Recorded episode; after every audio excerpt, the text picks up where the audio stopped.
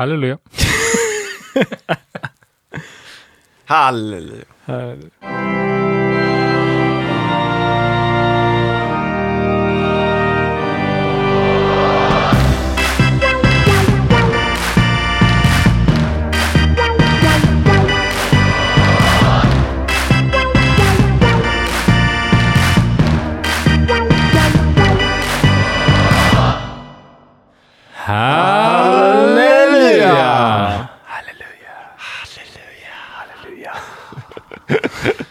ASMR-podd. Ja, just det. Nu ska Mm. vi pröva. Eh, vad handlar det om idag egentligen? Idag. Kan vi inte viska? Jo, men någon gång får vi väl sluta viska tänkte jag. Men vi kan, vi kan fortsätta. Okej, ja. Ursäkta. Nej, Välkomna till podden Hembryggning Halleluja. tack så hjärtligt Simon Svensson. Sebastian Rutelin. Och Magnus Vasilis är här Du, du fick säga. Jag fick säga mitt namn namn. själv. Ja. Av, Bra. Väg, väg, du, du, du vet inte hur man uttalar mitt namn, Simon? Är det så? Vasilis. Ja, jag, jag tänkte resten, jag tänkte på förnamnet. Mandus. Mandus. Mandus. Ja, hur är läget? Mandangus. Det är Hur bra, läget? tack. Allt bra? Mm, Jajamän. allt bra. Jajamän. Ja. Jag har tänkt mycket på det här med snygg öl på sistone. Eh, varje dag. Tvätta ner era glas förresten. Jag har blivit mycket mer noga med att tvätta mitt glas. Jag ska inte säga att det är just sen ditt, utan det är andra också. Ja, Men ja. eh, Har du märkt någon skillnad då, tycker du? från att, låt säga, för ett år sedan Ja. ta ett glas ur diskmaskinen för att det var redan använt Ja. och dricka öl ur. Ja. Till att ta ett eh, rent glas och diska det Igen. innan jag dricker. Ja. Det, det är ungefär så den, Okej. resan, den resan har jag gjort. Sista året skulle jag säga. Ja, ja. Men ingen dedikerad borste. Mm, ja, jag försöker ju ta en, eh, någon svamp som kanske ser hyfsat ren ut. Då menar du en tvättsvamp, ingen Ingen champinjon. Ja, portabello-svampen? Ja. Det tar jag det sista. Ja. Ja, ska vi dricka lite öl kanske? Eh, ja, vad har du med idag? Jag har med mig en Odbruin. Vad betyder det? Gammal brun kanske? Ja, det är faktiskt sant. Ja. Det låter ju som att det skulle borga för en god öl. Ja, Ja. gammal och brun. Mm. Det är de två, brun, dina ja. två favoritingredienser. Ja. Gammal. Men en snygg sån USP. Ja, ja, ja. Den är, jag är eh, sjukt, ja men det ska bli kul att se vad ni tycker om den här. Ja. För jag fattar det som att den här ölstilen ändå var liksom holländarnas försök att brygga brittiskt. Alltså så Ja, mycket, det. alltså vi, som försökte brygga en brown ale liksom. Och sen så blev Tack. det, alltså att maltbasen ibland är nästan alltså snarlik en engelsk brown ale. Ja, är det det? Ja, kanske. Jag, jag, har fakt- jag har inte receptet framför mig här Nej, nu, nej. men jag, så här, det var min revanschöl här, för jag eh, försökte brygga en sån här för något år sedan och den blev inte sur Okej. alls. Nej. Eh, testade, jag tror att vi bryggde då, vi liksom kollade på Jamils recept i Brewing Classic Styles Mm. och eh, körde den metoden. Jag tror att han brygger med en neutral gäst och sen eh, någon typ... Eh, Rosalier blend. ja, precis. Ja. Mm. Och den tog sig verkligen aldrig. Den blev... Eh, Men, det, men den är väl erkänd sån där att, att den går bara att använda andra generationen på. Gästkakan är den man ska använda på när man använder Rosalier blend. ja. ja, det är mycket möjligt. Så, men till den här så gjorde jag faktiskt, jag hade gjort en, en pseudo lambic, så jag gjorde den här på den gästkakan. Okej, ja.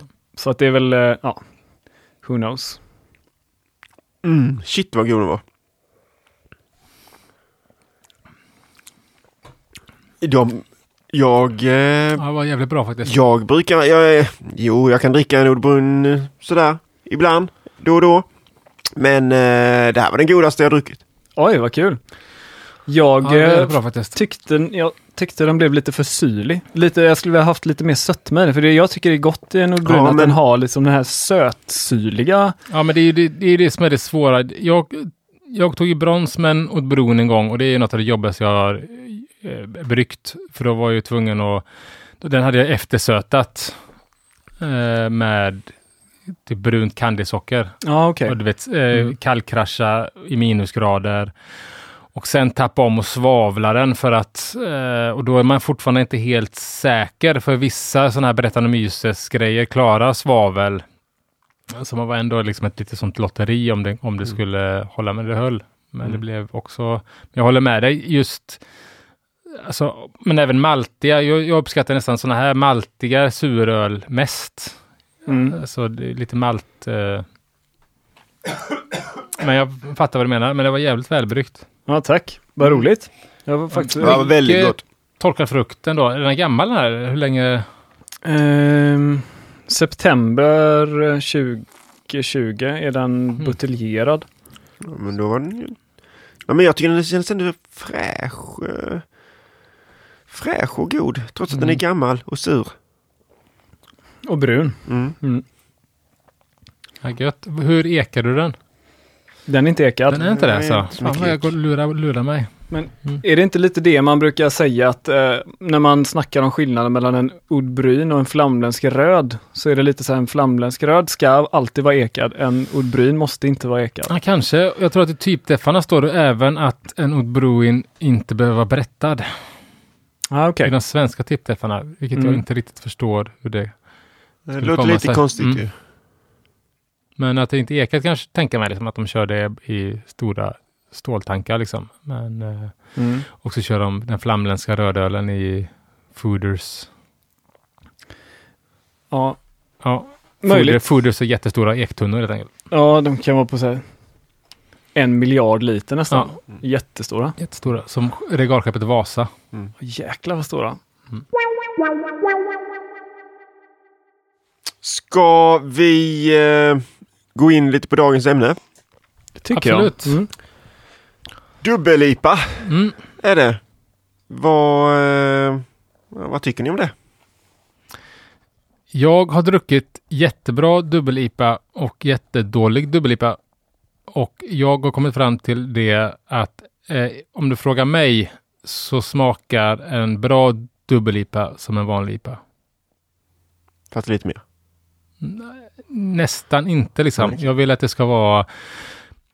Jag tycker att en dubbel-IPA ska smaka som en vanlig IPA. Det är väl min... eh, Det vill säga, det ska vara lättdrucket och sådär. Jag tycker ofta att det blir för mycket. Det blir för beskt och för kladdigt i många fall. På de Mm. dåliga dubbel-IPorna. Mm. Jag har druckit väldigt mycket dubbel-IPA. Ja, Det var min absoluta go-to-öl. I början. Ja, alltså, kanske inte i Ja. början, men kanske efter ett år eller något sånt Ja, där. ja. Ja. Eh, men sen så har det liksom blivit eh, jag väljer den sällan nu för tiden för att det är kanske lite för starkt. Jag dricker ju hellre eh, ett gäng öl. Det blir, eh, om man dricker många så blir man ju lite trött. Nu kommer jag att tänka på en gång när jag var på krogen med min fru och min syrra. Så eh, min fru gillar dubbel-IPA. Så hade vi precis beställt in då första ölen. Så var det någon snubbe där i baren som bara Åh, köper du en sån stort glas med dubbel-IPA där då liksom? Och så sa han bara Snapsar du den? Snapsar du den så får du en ny. Eh, Snabbt. alltså att, att hon skulle dricka upp hela då på en gång. Ja. ja, Och hon eh, tänkte ju det att, ah vad fasiken. Så hon drack ju upp hela den, svepte i en sån dubbel-IPA där. Ja. 04 eller någonting vad det var. Och eh, sen var hon ju rätt bra i gasen innan vi, innan vi ens hade börjat dricka på öl. Liksom. Från 0 till 100 Ja. och sen från 100 till 0 igen. Ja, Ja, ja. det Ja. kan ju vara lite förrädisk ölstil så. Men jag skulle ändå vilja påstå att jag har ju mest relation också till eh, dubbel-IPA alltså för 5-10 år sedan. Alltså det känns som att väldigt mycket av de första hantverksbryggerierna, då hade man alltid en dubbel-IPA. Eh, och det var, den var liksom USA västkust, västkustinspirerad. Det var inga disiga s- som vi pratar, eller som jag nämner nu. Jag pratar om i alla fall. Men det var ju på den tiden när Pliny var liksom den stora vita valen. Ja, det är det. Borde, borde det nästan vara fortfarande, om du frågar mig. Eller det är, är klart det finns jättemycket bra dubbel-IPA, men det är ju fortfarande en väldigt bra dubbel-IPA tycker jag. För den smakar verkligen som en vanlig IPA. Tycker jag. Det- Alltså det dubbel-IPA är ju ingen jättegammal ölstil heller. Nej, Så eh, det är väl inte så konstigt. Nej. Brukar ni brygga det då? Aldrig gjort tror jag faktiskt. jag. Nej jag har ju bryggt till detta avsnittet, men det är... Eh, måste vara första gången på... Ja, det är nog nästan eh, tio år kanske. Tror jag. Jag var, jag var faktiskt lite besviken. Jag var sjukt taggad på att brygga en dubbel-IPA. Och jag har uh, sett fram emot det här avsnittet, men vi har ju varit mitt i en flytt här, så jag har faktiskt inte kunnat brygga tills idag. Jag var ju mer sugen på att brygga en dubbelbock, men det fick jag inte. Nej. Nej, men det får du göra. Nej, det, humla, på, hon humla på den ordentligt. ja, precis. Ja. Nej, men hur gick flytten då? Ja, bra. bra. Lite, in, inte 100% i ordning än, men det, mm. det tar sig. Det tar ju längre tid att flytta än vad man tror. Mm. Ja. Det, jag har ju bryggt en del. Jag har bryggt ganska många dåliga dubbellipor tycker jag förr. Vad blev dåligt med dem då? Jo, då var det ju att för jag gillar ju lite maltigare dubbellipor också. Jag kan gilla flera olika dubbellipor, men jag kan gilla de som är lite maltigare, har lite rödaktig ton sådär. Eh, men alla mina försök till att göra maltiga dubbellipor har blivit för maltiga. För kladdiga. Okay. Så nu så har jag lämnat det spåret och eh, är nog mer inne på din, din stil, skulle jag tro. För det är väl det jag tror jag brukar säga, att en, en dålig dubbellipa smakar som en amerikansk barley wine lite. Och, eh, ja. Det är en tunn linje mellan mm, liksom, det är en väldigt tunn barn, linje. barley wine och dubbellipa. Du älskar klädigt. ju amerikansk barley wine ju. Ja, jag vet, jag du målar in mig i ett hörn. Nej, men när man, mm, man vill att en dubbellipa ska vara mer drickbar. Liksom. Ja, absolut. Skulle jag säga. Mm. Uh, vi kommer ju inte prata, nu kommer vi ju i det här avsnittet så tänkte jag ju inte heller prata om hazy dubbellipa utan mer den klassiska dubbellipan. Mm. Det blir ju västkust dipa då liksom. Mm. Ja, typ def dipa liksom. Ja, mm. precis. Ja, just det. Mm. Eh, ska vi ta lite historia först? Ja, hittar du en historia på det? Nej, inte mycket kan jag inte säga, men eh, alltså det utgår ju från den amerikanska IPA naturligtvis som de eh, började brygga där på eh, tidigt 80-tal. Och eh, sen så amerikanerna vill ju göra saker och ting mer, större, bättre, häftigare. Så då så är det ju ganska naturligt att de också skulle göra en ännu kraftigare IPA. Och den som man brukar benämna som den första var Inaugural Ale från Blind Pig Brewery. 1994. Ni känner nog igen bryggaren för det var Vinnie Siluso. Ja, precis. Jag tänkte. Mm. Blind Pig IPA är ju också Russian Rivers Precis. enkla IPA. Ungefär, Precis. Han eh, jobbade, jag, jag förstår det som att han jobbade på det här Blind Pig Brewery bara. Han mm. ägde nog inte det överhuvudtaget utan han bara jobbade där. Men sen så eh, på Russian River senare så eh, så tog de ju över den, eller det, det bryggeriet hade lagt ner. Så de tog över den så att säga, Blind Pig IPA där. Mm. Som de ju gör fortfarande idag. Mm. Det var några andra också som gjorde eh, vad man skulle kunna kalla dubbel-IPA. Rogue gjorde något 96 och Stone gjorde eh, dubbel-IPA 98. Var Rogues de här eh, i såna här lerkrus eller var det liksom eh, dubbel? Kommer ni ihåg dem eller? Är det nog bara jag som kommer ihåg dem?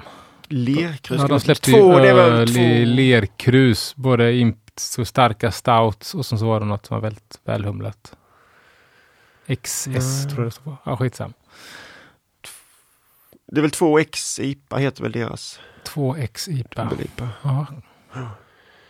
Sen så 2001 så kom ju den ölen som vi redan har nämnt hittills och som är ofrånkomligt att nämna när man snackar dubbel-IPA. Och det är ju eh, Russian Rivers Pliny the Elder. Har ni druckit ja. den? Ja. Ja. På plats i mm. oj, oj. Santa Rosa. Oh. Har du druckit den i Sverige också eller bara där? Eller I bara, Sverige. Bara, men där. Jag tog nog med mig någon flaska hem. Ja. Men, uh, var det inte du som la en Pliny-flaska i min lastcykel någon? Utanför Portofestivalen. Jo, men var den tom eller? Ja. Nej, vi delade ju på den utanför när vi hade kommit Ja, hit. men jag fick inte vara med och dela. Jag bara hittade en tom flaska Pliny. Ja, men det var du skulle också få något. Du skulle också få något. när man har varit på eh, Portofestival hela dagen. Ja. Att kunna få en kall eh, Pliny. Jag har druckit Pliny ett par gånger, ja, jag har gjort. I Sverige. Som har varit på krogen eller egen import? Nej, nej det har varit eh, kompis som har eh, införskaffat i, i USA. Mm. Har det varit. Det var eh, Santa Rosa där och eh, Russian Rivers eh, bryggpub där var, den var rekommenderas. Ja. Den är värd en omväg. Ja. Den, ja jäkligt trevlig och jäkligt god öl och Dry Stout kommer jag ihåg som jag drömmer om fortfarande som de hade. Mm. Ja, och bra mat också. Enda stället i hela Kalifornien de hade bra mat. Skojar du eller? Det känns som att. Kalifornien är väl dit man ska åka för att äta. Nej, dricka kan du göra. Ja. Öl, bra öl, billig öl. Okej. Maten var för jävlig. Håll dig till hamburgare i så fall säger jag. Jo, Ja, jo, men vad fan, det är väl... Ja, nej visst, om du håller, äter bara hamburgare så kan du väl... Ja, Jag testar mycket Nej. olika men jag sjukt dålig mat. Okej. Fick jag i alla fall. Ja, Eh, Sverige sen då? Ja men jag kan säga, ska jag säga något? Det finns ju någonting som heter Oktoberbeer. Om ni läst den här eh, Stils IPA-bok. Pratar en del om Oktoberbeer. ja, okej. Det var så en öl de bryggde i, på hösten där då i oktober. Som var starkare. Och Vart så någonstans? Eh, Storbritannien snackar Okej. vi nu. Ja. Eh, Den var ju starkare och sen så använde de all den nya färska humlen då. Så att det var liksom både starkare och eh, mer humlad right. öl. Så att den skulle man väl kunna se som Ah. en, alltså att det Var, var, det lite, som en typ en st- strong ale i botten då eller som de humlar på som fan? Det är ingen som jag vet inte riktigt. Och eh, det finns ju ett väldigt stort glapp till den moderna dubbel-IPA. Så Ja, ja, eh, ja. Men man kan väl säga att det, de är inte först i världen med att brygga en stark öl som var rejält humlad i alla fall. nej.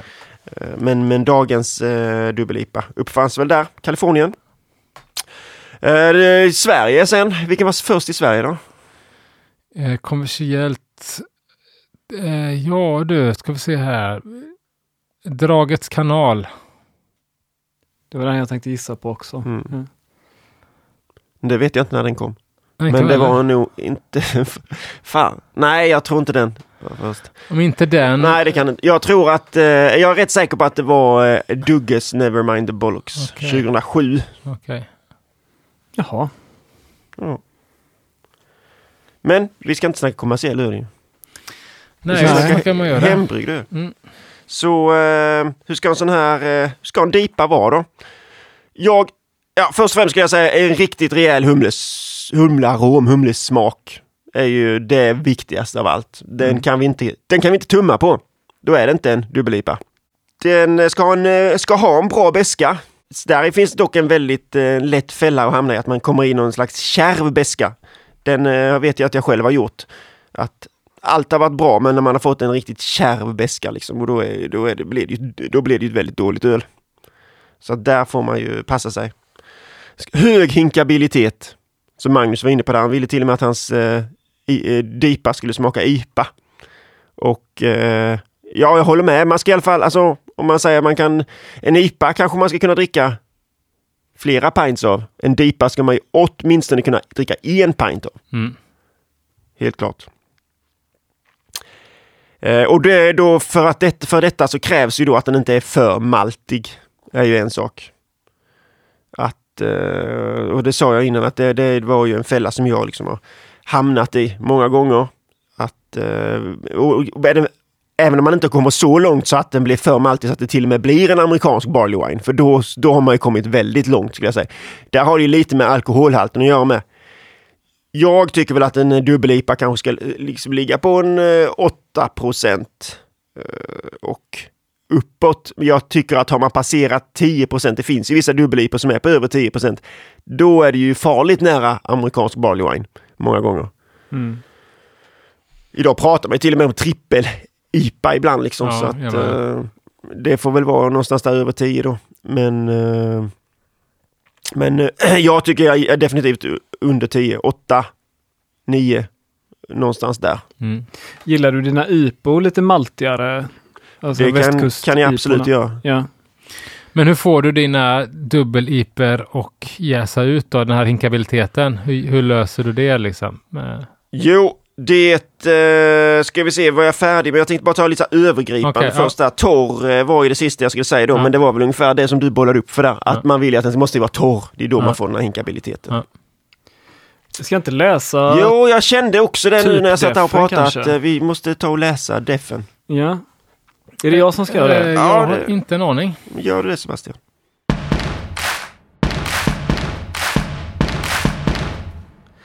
Då kör vi då SOBFs eh, öltypsdefinition för dubbel-IPA. Mhm. Kortfattad karaktärsbeskrivning. Mycket humledominerad och kraftigt besk öl med ett lätt balanserande karame- karamellinslag. Färg utseende. Bärnstensfärgad till mörkt kopparfärgad. Disighet får förekomma. Bouquet arom.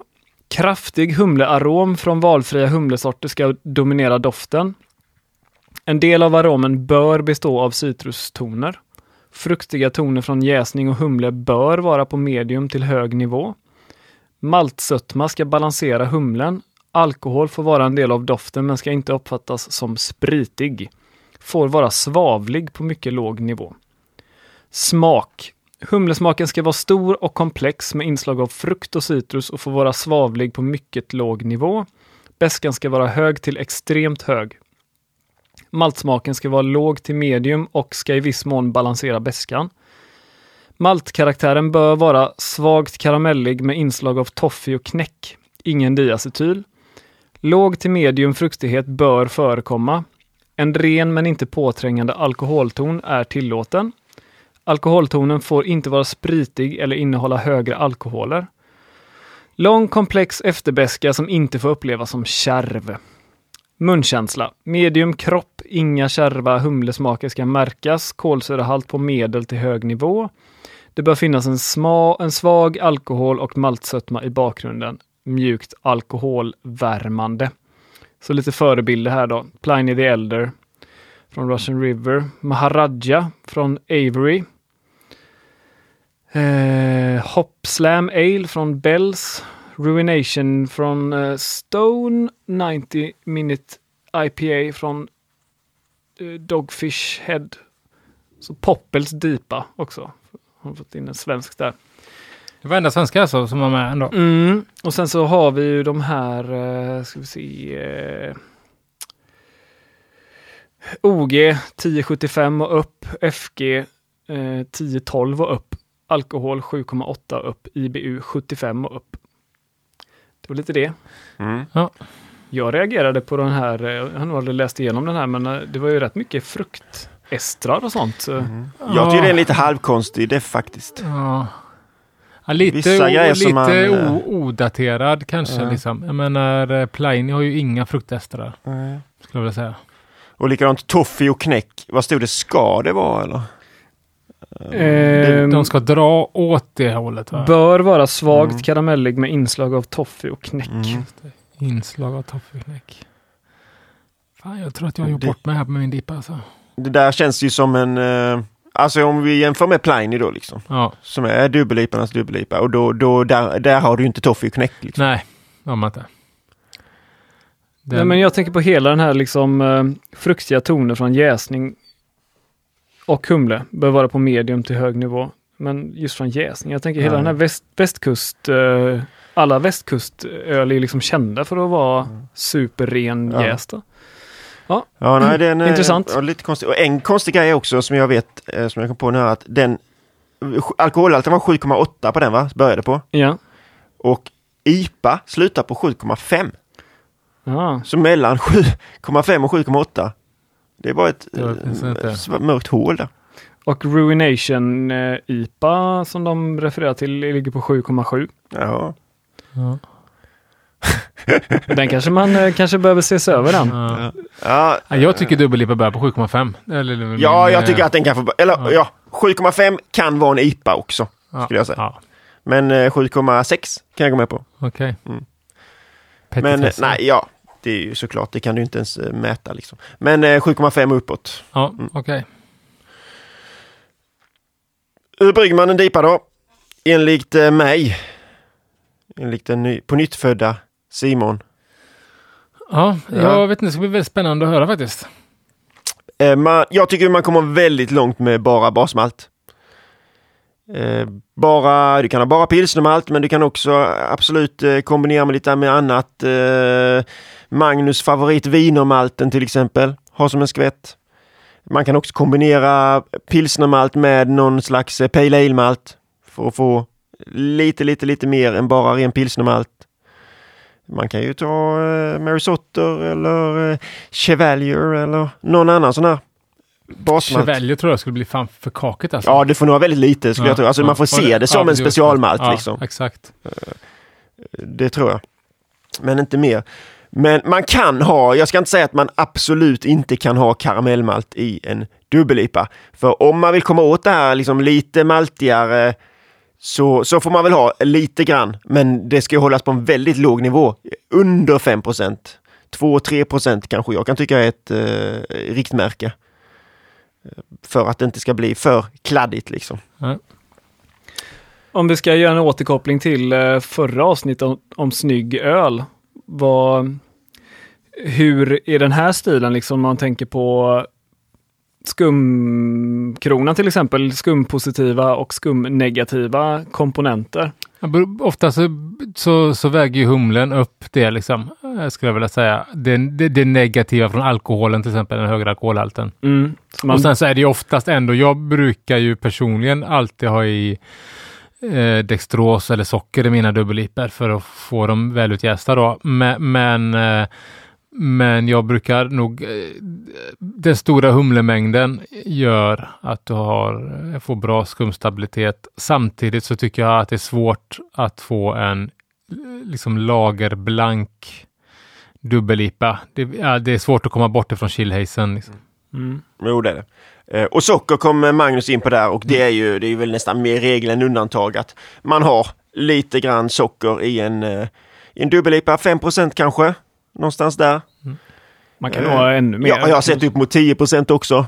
Jag hörde Eh, ryktes om att eh, Winnie börjar använda socker eh, i sina dubbelliper för att han inte har plats med mer malt.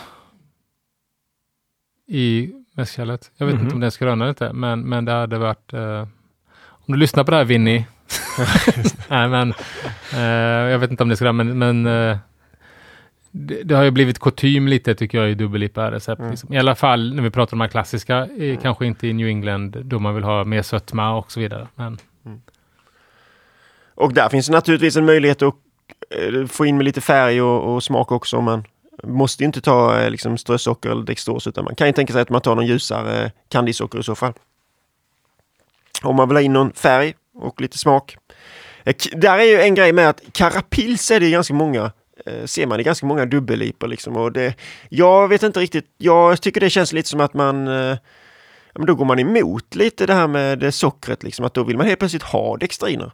Så eh, jag ser ingen vinning i att ha karapils faktiskt. Har ni, skulle ni göra det? Nej, jag, nej, jag ser också mycket recept och, tycker- och tycker exakt som du där. Utan vad jag mer funderar på, för det har ju gått sådana, i USA så heter ju karapils Carafoam eh, För att jag tror att det är Breeze äger namnet Carapils i, så, så man fick inte döpas, det fick inte fin- finnas två Carapils liksom på marknaden. Men att det används, att folk har i Carapils, inte för dextrinerna utan för skumstabilitets skull i de recepten man ser.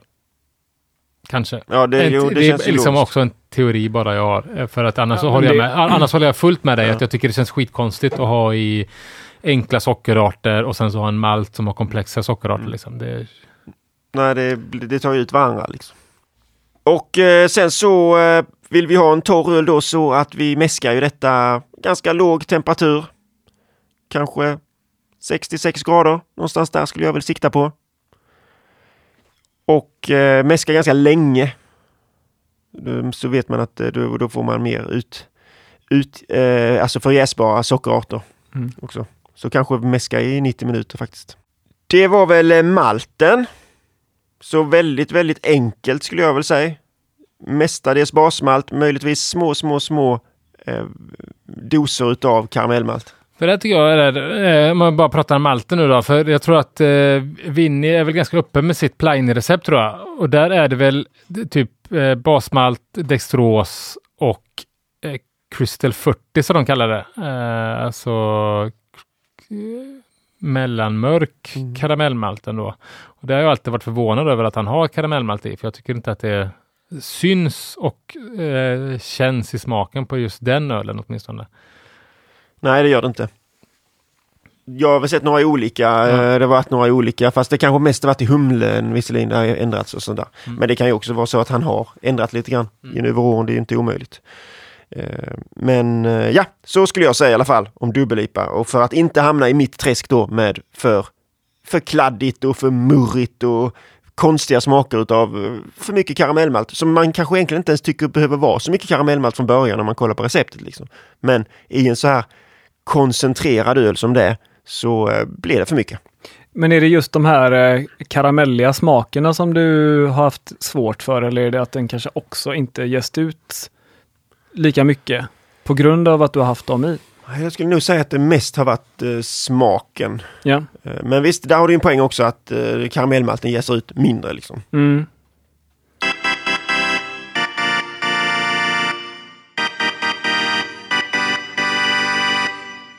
Bra. Vi eh, kommer till nästa då automatiskt, gästen.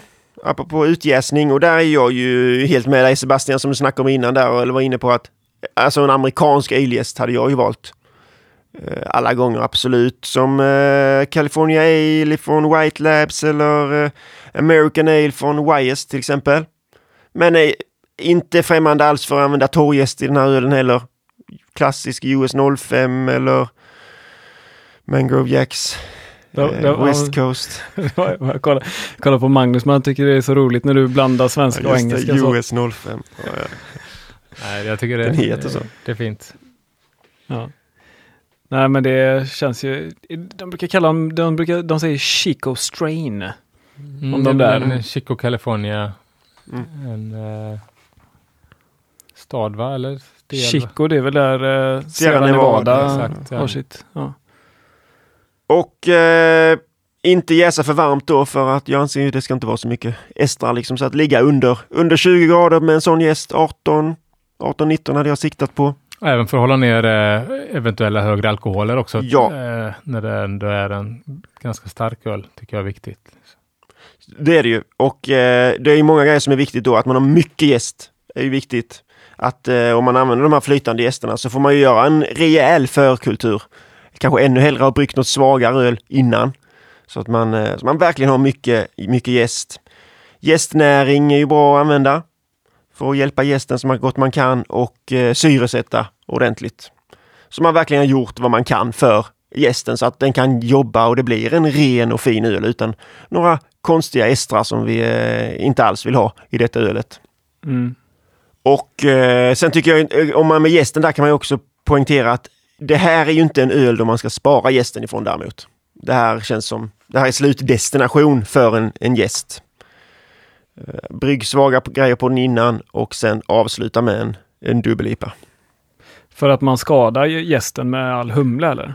Ja, Alkoholen eh, är det väl det som ger det största. Eh, Alkoholen är en Trycket. st- st- stressfaktor, ja precis. Men är det, säger man inte också att humle kan liksom skada gästen? Nej, det är bara helt jobbigt. Alltså det är jobbigt att separera den från gästkakan och sådana grejer framförallt. Men inte skada gästen tror Ja, jag okej. inte. Nej, det är något jag har drömt som vanligt. Ja. Så sjukt tråkiga drömmar på det sättet. Ja, verkligen. Helt sömnlös och tänkt på. Ja, då drömmer man i och för sig inte om man är sömnlös. Nej, men, nej. Ja, eller det kan man väl göra. Ja. Ja. räkna eh, gästceller. Men du har inte eh, liksom humle och eh, gäst i samma kyl och sånt? Eller frys? Nej, jag har, jag har inte på samma, i samma fastighet ens. nej, nej, Nej, nej, nej. Kan ju bli kontaminerat för Ja, fan. verkligen, verkligen. Om man humlar på en gäst riktigt ordentligt och använder om den gästen så eh, kommer man ju få beska ifrån eh, den första humlen så att säga. Okej. Så det kan ju också vara en dålig grej. Med humle i gäst. Eh, vatten tänkte jag hoppa över till sen. Mycket spännande. Hur hade ni, vad hade ni gjort där? Jag hade nog tänkt att jag ska bre på med sulfaterna i det här ölet. Det hade jag med gjort. Mm. Övervikt på sulfater. Mm. Men vad snackar vi ungefär? En nypa. En nypa? Fyra kryddmått. Tre till ett eller? Ja, någonstans där. Alltså tre matskedar. Tre deciliter kalciumsulfat, en Ja, deciliter kalciumklorid. Bara ner konsekventa där. Mm. Så Mm. Mängden spelar inte så stor roll. Ja. Ska vi säga en siffra eller? Får jag säga en siffra? Ja, vill du säga en siffra i ppm? Ja, Ja. eller milligram per liter. Ja, ja. Nej, men, jag, men, men eh, runt 200 åtminstone tycker jag man kan kräma upp sulfaterna till i en dubbel-IPA. Men det beror väl också lite på hur väl utjäst den är och hur maltig den är. Kanske. Maltigare, Mm. högre sulfathalt. Mm. Absolut. Det låter rimligt. Slut för mig. Mm, mm. Sen kommer vi till det här lilla ämnet humle. Just det. Nu har vi ju chansen att gå bananas. Så jag gå bananas där bara för Fullständigt. Här kan man ju använda alla sina eh, humleknep som man är ute efter. Kan man väl säga. Som man har lärt sig i avsnitt sju. Sju, ja. Ja, ja. ja. Precis. Eh, klassiskt är att man har en bittergiva, att man har mellangiva, aromgiva och torrhumling. Men man kan ju använda allt vad det heter med eh, sån här hop rocket, hopstand. Hopstands. Det tycker Ja, jag är väldigt, eh, Ja, det brukar jag köra på humliga öl. Och eh, ja, vad finns det mer? First word hopping. Mm. Mash hopping. Mm. Ja. Precis. Mycket hopp blir det. Mycket, mycket hopp. Man kan använda ja, alla steg. Det är säkert så att alla stegen har lite, lite olika smak. Det är väl det som är grejen också med den här eh, som var en typexempel, Dogfish Head 90 minuter IPA, att de kontinuerligt humlar hela de 90 minuterna tror jag va? Mm. Alltså att de tillsätter Var femte lika minut Var femte minut alltså, så, ja. Har de i humle. Men det kan man testa om man eh, liksom är rastlös av sig. Jag gjorde en gång, eh, det var väldigt konceptuellt, men för jätte, jättelänge sedan så gjorde vi en öl där vi Ja, vad heter den här talserien nu då? Pi, nej, ja pi. Nej, vad- Ja, Fibonaccis. Fibonaccis. eh, så- Där vi, så att vi humlade vid 1, 2, 3, 5, 8, 13, 21, mm, blir det det? Ja, Okej. och så vidare. Mm. Minuter. Hur var det? Du gått på Chalmers eller? Men det var ju helt, helt meningslöst att göra det. Mm. Och ni gjorde det också i typ i en, någon sån här Malti Porter. Nej, jag tror det var i en Hopfenweizen. Okej, ja, ja, Ja. Ja. Det var mest för, för att det var skoj, tror jag. Men det kan man också göra. Det- Ja. Tips. Säg, säg talserien en gång till. Man kan googla Fibonaccis talserie. men Jag tror att det, Det- den första givan blev vid 55 kanske. Känt klassiskt humleschema. Ja. Var han tysk eller? Vad sa du? Var han tysk? Fibonacci? Nej. Det låter inte så va? Nej. Nej, jag skojar bara. Ja, Men, äh, gå vidare. eh, ja, men eh, vad man kan tänka på när man använder så här mycket humle är att man ska ha en humle kanske med lite lägre kohumulonhalt. För att den kan bli lite kärv. I koket eller? Eh, ja, Mm. är det väl framförallt va? Mm. Nu blir jag lite osäker här vad som händer, men det måste det väl vara. Mm. Jo, men det är ju det är väl enbart i koket va? Man pratar om det. Eh, och humle med hög kohumulonhalt är ju så som till exempel Cascade, Chinook, Columbus, Galaxy. Det är väl några sorter med hög kohumulonhalt. Så att man kan få vara lite försiktig med dem kanske. Det var ändå många av de där klassiska sorterna som man kanske förknippar Mm. med en klassisk IPA, dubbel-IPA, västkust-IPA där. De här C-humle-sorterna. Jo, men det är väl framförallt arom. I arom och då känns det Mm. rätt lugnt. Det är väl Mm. framförallt 60 minuters givan jag skulle undvika hög kohumulonhalt. Alltså den humlen som kokar länge. Precis. Magnum är ju en bra bitterhumla för att den har låg kohumulon till exempel. Ja, ja. Så, eh, kanske Magnum får komma tillbaka igen lite. I, i min eh, dubbel-IPA jag har gjort idag så har jag inte, var- den hade jag bryggt innan Magnus avsnitt. Eh, så jag är lite test, eh, sugen på att Ja, testa nästa ja. gång att köra lite mer med de här Magnus eh, Ja, jag gjorde teorier det. Jag gjorde det. Gjorde det? Ja, det var Ja. ett kaos blev det. Ja. vi tar det vi, eh, när Ja. vi smakar sen. Men man saknar ju inte riktigt den här eh, IB, IBU-styrketest-kampen som var där Ja, 1000 2010-talet. IBU. Ja, det saknar man ju inte Jag så har jättemycket. 1002 IBU i min. ja, nej, jag håller med. Men jag tycker ju också att eh, det här med kvalitet, kommer du till det eller på humlen? Det är viktigt. Ja, Skit- nej jag kommer skit- inte till det. humle- Men eh, det är såklart att eh, Men det vi tycker jag väl nästan är det viktigaste med, med humlen. Har du Det dålig någonting- humle i så får du en dålig dubbellipa. Så är det ju. Och det är väl någonting vi har sagt varenda gång vi har snackat Jo, om det är humle. sant, Liksom. ja, Så men det att, eh, tåls att upprepas. Och det tvätta tog- glasen. Och PH! Exakt. Precis. Eh. jätteviktigt. Hade jag, vad tänkte jag säga mer där om det här med humle? Jo, men jag gillar ju hoppstand. Det är väl en sån som jag... eh, Alltså, Varför? För att behålla de här eh, lättflyktiga eh, oljorna ifrån eh, humlen. Okej. Så att jag Mm. går ner på under 85 grader. För att eh, behålla dem. Myrcen är en sån som eh, mest känd för att snabbt ånga bort. Det- Mm. Det är det som ger lite piney, alltså tall, All right. tallkaraktär. Det ska vara den som lättast försvinner. Så jag brukar gå ner. Jag brukar inte gå ner exakt till 85 utan jag kyler ner den lite grann så jag märker att den har gått ner i temp. Mm. Då lägger jag i humlen. Mm. Sen kan det få ligga i en eh, 20 minuter. Men hur, när liksom också, vi har inte riktigt pratat, det kanske kommer till också, men jag tänker på paketering och när liksom dricks en dubbel-IPA Ja. bäst? Ska det vara purfärskt eller tycker du att... Alltså jag skulle kunna sticka ut hakan lite där och säga att jag inte tycker att den måste vara purfärsk faktiskt. Nej, nej.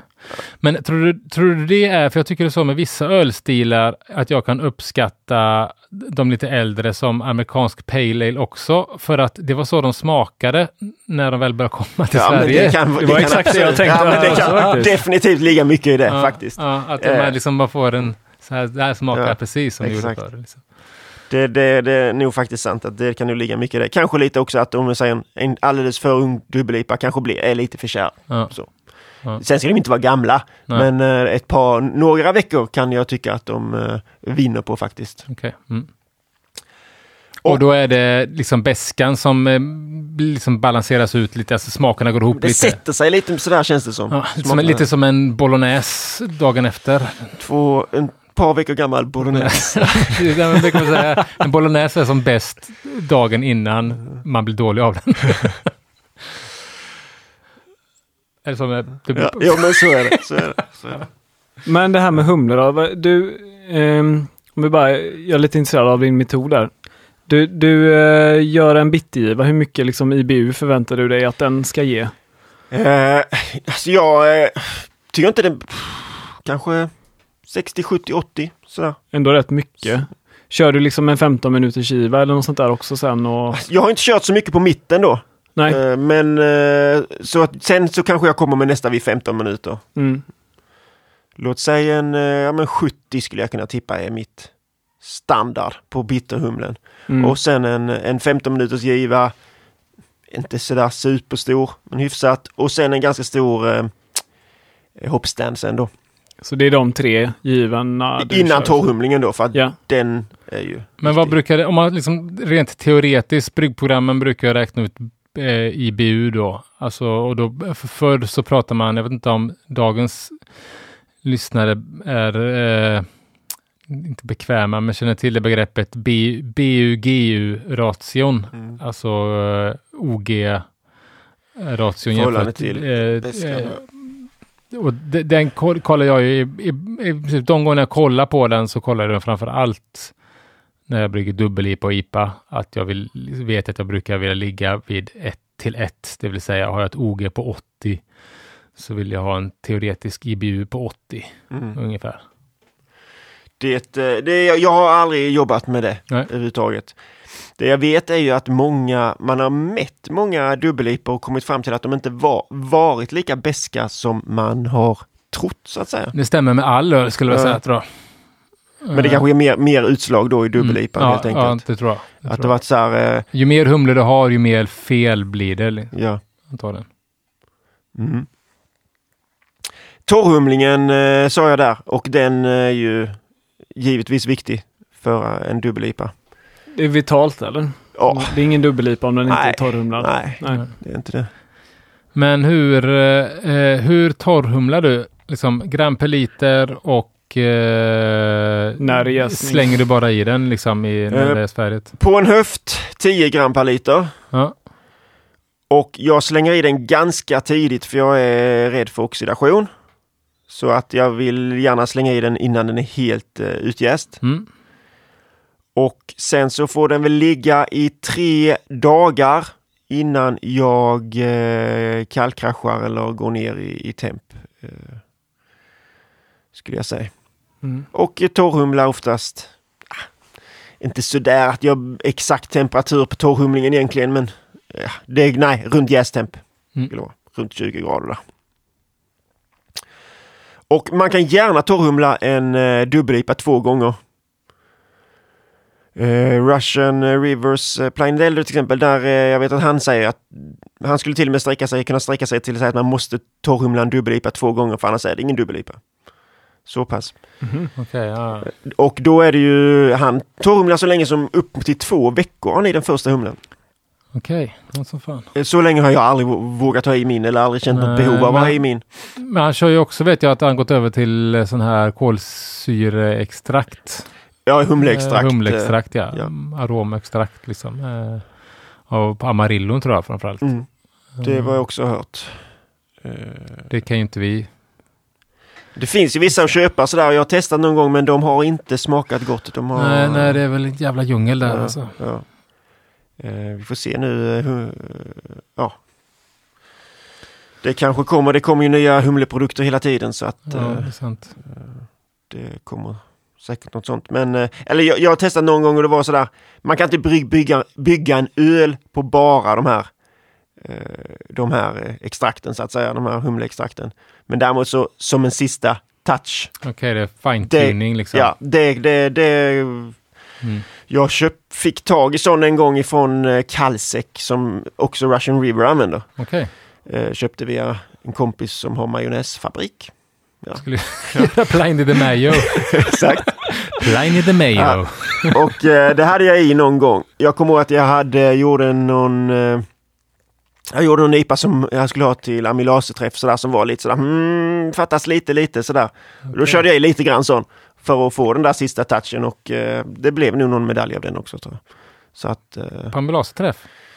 ja, en brutt-IPA var det faktiskt. Nej, ja, just det. Just det. Det minns jag. Ja. tror att det... Du fick nog silver då va? För det Ja. var någon annan som fick guld Ja, det okej. året. Ja. Nej, det är ganska ovanligt att se Sebastian med ett guld. Ja. Så, Ja, nej, med Ja. Simon menar jag. Det var silver. Nej, Silver-Simon. silver-Simon. Men hur resonerar Ja, du då när du, när du ska torrhumla? Du gör ju 10 liters batcher nästan alltid. Ja, Och så ska du ha ungefär 10 gram per liter, så det är ju totalt 100 gram. det är ju det är mycket därför, precis.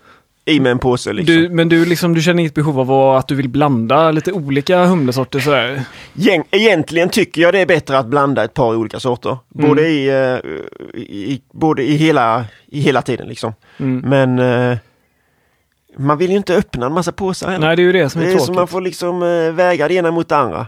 Därför tycker jag det är ganska kul när de kommer med sådana här blends. Um, Ja, just det. Pink något sånt där pink, ja, just det. Pink brukar ju komma i-. Eh, Falcones Mm. Flight och eh, Sytos. Ja. Ja. Två sådana också från. det är ju rätt kul tycker jag, för då får du ju Ja. 100 gram färdigblandad. Eh, Du har ju inte fått välja själv, men det är ju oftast ganska intressanta blandningar. Ja, och framför allt skulle jag vilja säga, framförallt om man hade liksom ett kommersiellt bryggeri, så, så kommer ju det skilja mindre mellan skördarna på en sån blend än vad det gör på typ Centennial bara liksom. Eller, Varför finns det ingen Citra mosaikblend? Jag hade bara kunnat kalla den ne Neipa. Liksom. Ja, Neipa. Ja, men det- det, det kommer väl. Ja. Kommer väl det också. Men det, däremot så tycker jag att just de två humlesorterna inte passar sig i en eh, klassisk West Coast dubbel-IPA. Nej, så vill man ha det klassiskt så är det klart att då håller man sig till de klassiska amerikanska humlesorterna. Liksom. Ja, ja. Men sen så, eh, jag, eh, jag skulle inte kunna säga att jag, alltså du, att man skulle helt hålla sig från de här moderna heller. För jag tror definitivt att det kan bli gott också. Mm. Ja, det tror jag. Alltså det är nog samma grej där, att du är van vid vad du drack då liksom på... Ja, kanske. Nej, men jag tycker liksom fortfarande att de här eh, humlesorterna som, för det beror ju liksom på vad man har för eh, liksom basöl, men återigen att de här eh, moderna tropisk frukt humlesorterna inte funkar bra med maltighet i öl. Så har du bryggt en dubbel-IPA med bra maltighet, då lämpar det sig bättre med de här piney och zestiga humlesorterna än de som smakar mango och passionsfrukt. Det står jag på. Ja. för.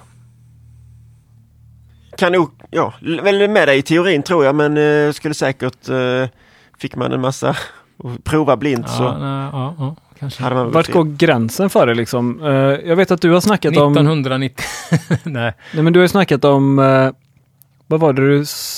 Du har nog inte du bara snackat om det vid sidan av podden, men neoklassisk Nej, vad kallar du det? Neo Mexicanus. Nej, nej, nej, nej. Nej, nej, just det. Det var ju Nya, mitt... det var det just det, vi, vi, glöm, vi glömde det. Nu ska ni få höra en sak här. Till humleavsnittet så glömde vi. Jag tänkte att det saknades ett ord för klassisk modern humle som jag ville döpa till neonobla humlesorter. Neonobla var det, ja, just det. Precis. För vi har ju de nobla tyska humlesorterna, men jag tycker att de neonobla är de här gamla amerikanska humlesorterna som eh, nästan startade den här hantverksölsrevolution och hembryggarrevolutionen då.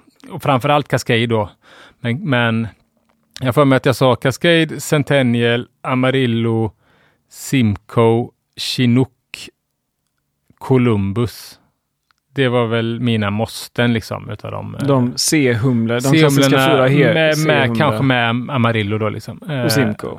eh, Och Simcoe, ja. Simcoe Ja. också klassisk gammal. Citra får inte vara med. Nej, Nej, den är... Eh, utan du pratar däremot att kanske Willamette och Mm. Eh, någon till kanske där. Liksom. Yes. Men jag tycker dock att det är ett bra begrepp. Jag saknar liksom, jag saknar, eh, dels så tycker jag ju att de humlesorterna borde få en revival och det tror jag de kan få om man kallar det för neonobla humlesorter. okej. Ja. Ja, nej men hiss eller diss? Lite tillkrånglat. Okej? Klassisk amerikansk humle, modern amerikansk humle. Ja.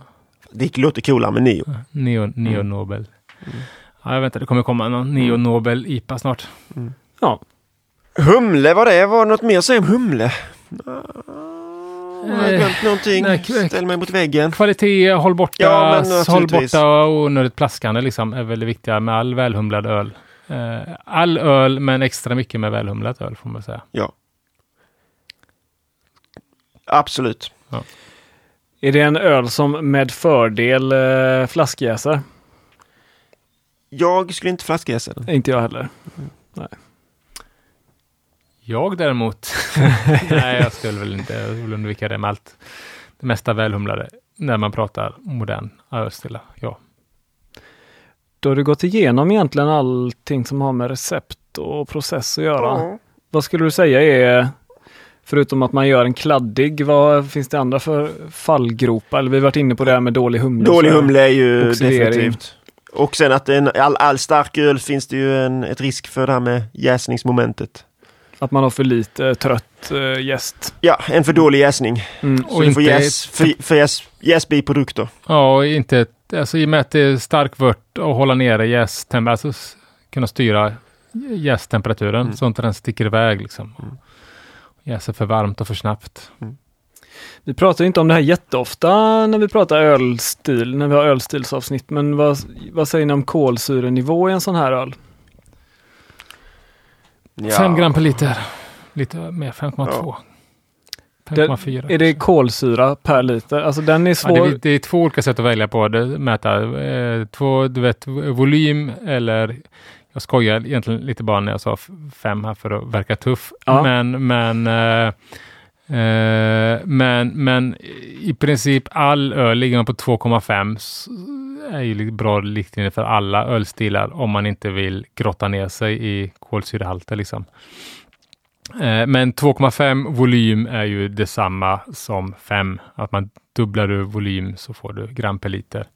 Gram det är väl lite- kolsyra per liter. Man ska Ja, inte blanda precis. ihop det med att när man doserar. Nej, exakt, utan det är, det är liksom den faktiska eh, eh, hur mycket kolsyra Ja. det är per gram per liter. Och det är väl olika sätt att mäta. Jag vet inte om hembrygg, jag tror att man eh, inom eh, samma som du vet Plato eller eh, SG eller eh, Ötchellegrader, liksom. Att Mm. man i vissa bryggartraditioner använder Eh, gram per liter och andra volym kolsyra. Eh, men jag brukar väl ändå, alltså jag är så jäkla dålig på och eh, ha, jag går ju så jäkla mycket på det sensoriska när jag kollar kolsyra. Jag mäter sällan eller jag brukar bara kolla. Jag brassar på. Jag sätter på fat, sätter, sätter på eh, fatet på tre bars tryck och sen Ja. så får det stå till nästa dag någon gång. Då drar jag väck det och sen Ja. så släpper man, eh, går man och dricker lite grann och sen trycker man i lite grann och sen så dricker man lite till och så ah, jag trycker i lite mer kolsyra. Och, Ja, exakt Så. så är sån jag också. Så det kan ju ibland bli att det blir för lite eller för mycket plötsligt. Liksom. Om du får välja då, för lite eller för mycket? Ja, för mycket så Ja. man kan slå bort lite. Exakt. Helvete vad smart svar alltså. Jag har aldrig tänkt på att man kan göra. Om man vill göra lite varianter på sin dubbel-IPA. eh, Jag skulle inte säga att det är den ölen som jag först börjar tänka på om jag ska göra någon skojsig variant. För att det räcker med malten och humlen liksom. Det är tillräckligt mycket smak. Men man kan ju eh, i de här första Inaugural Ale till exempel eh, Blind Pig eh, IPA och så här, där hade de ju till exempel lite ek i. Liten, liten, liten skvätt ek. Så jag har druckit någon sån här Cedar IPA också med cedarträ i. Mm. Det är väl något. Man kan ju naturligtvis frukt och bär och sådär. Ja, det har jag gjort. Tror, eh, vill jag också skryta med hur tidig jag var, men typ 2005 bryggde jag en eh, dubbel-IPA med mango och habanero i. Mango chili IPA. Mhm. Ja, det kan bli rätt gott. Druvjuice har jag skrivit som en. Du, har- du har inte du, du har väl bryggt någon? Jag har bryggt en gång med, det var den där bruttipan som jag sa innan. Det var med det. chardonnay. Då Okej. får man ju lite Ja. där lätt, eh, alltså istället för sockret då så kan man ju byta ut mot lite druvmust till exempel för att Ja, få. man passar sig för för syran bara i, i Mm. musten. Det är väl den där liksom varnings... Syra och beska är inte bästa kompisar. Liksom. Mm. Funkar ju svinbra i en brutt-IPA där man inte har så mycket beska, men man får passa sig lite när du har beska. Mm. Mycket beska bara. Men annars så är det ju, hade jag ju, tycker jag det är roligt, det här kombon vin, vinöl.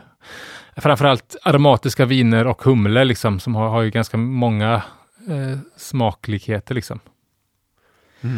Jag kommer ihåg eh, back in the days, Brewdog höll ju på mycket med de hade ju den här Hello My Name Is-serien. Just det, hjortron. Hjortron var det. väldigt god första gången Ja, den den, första gången den kom Ja. så var den ju otrolig, kommer jag ihåg. Mm. Det var för övrigt en av mina go-to dubbel-IPA var deras hardcore Jag tror det är för många. Ja. Jag tror att det är en av de liksom, inkörsportarna också till hantverksöl eller annan öl tror jag nog. Mm. Hardcore-IPan var för många. När vi hade, nu kom jag på en lite rolig grej när jag, vi jag läste till domare. Så var det som man skulle, mm, första st- grejen första dagen eh, skulle man bygg, bygga en öl. Bygg din bärs eller vad fan det hette. Så var det liksom, det fanns ett eh, helt rum eller flera rum med massa olika ingredienser då.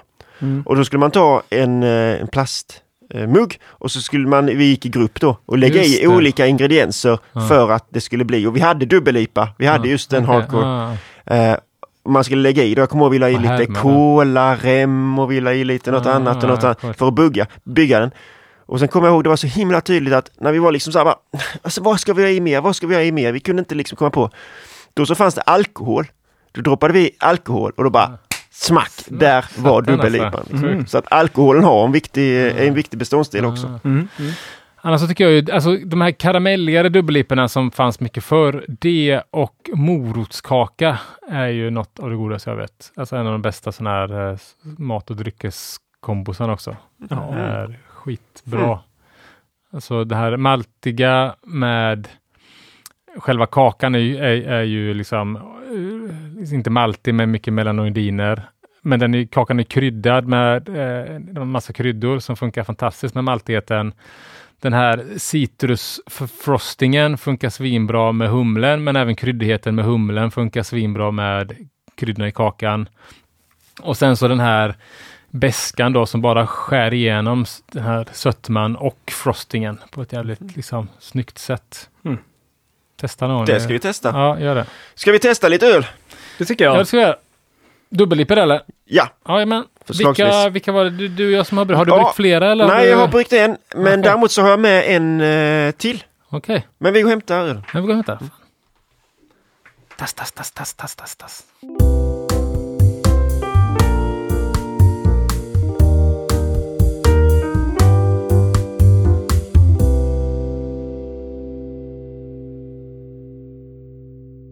I vilken ordning vill du köra det här då? Ah, vi börjar med min, tycker jag. Ja. Eh, här, Spännande. spännande, dubbel-IPA. Jävlar. Jag kan säga vad det är, ska jag göra det? Dubbellip. Ja, nej, men lite vad jag har eh, tänkt. Ja, den är jävligt ljus. Ja, det är den. För att detta är en eh, smash. Single malt and single hop. Så det är bara pilsnermalt. Varbro Kvarns pilsnermalt. Säg inte vad det är för humle, det är kul att gissa. Eller? Ja, ja. Nej, nej. Nej, nej men jag tänkte, för jag har inte riktigt, eh, jag har inte, jag lever inte som jag lär.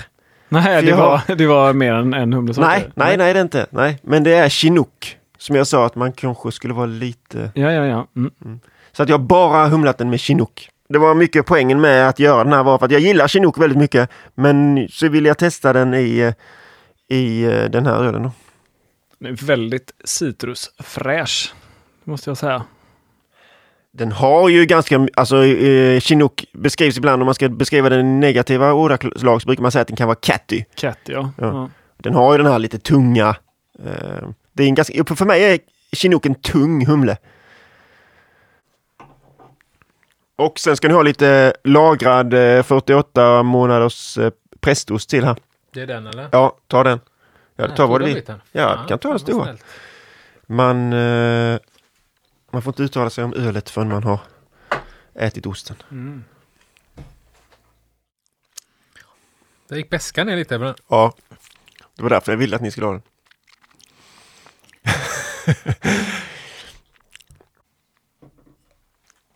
Vad tysta ni är. Ja, vad kära gott med ost. Och öl. Det här tror jag fo- folk älskar eh, att höra på folk som smaskar med ost i mikrofoner sådär. Mm, mm. Det är en del av den här ASMR-grejen som vi snackade om. Precis ja. För sen, nu spoilar jag här, men eh, ser man även med en eh, två år gammal räkost på tub som vi ska...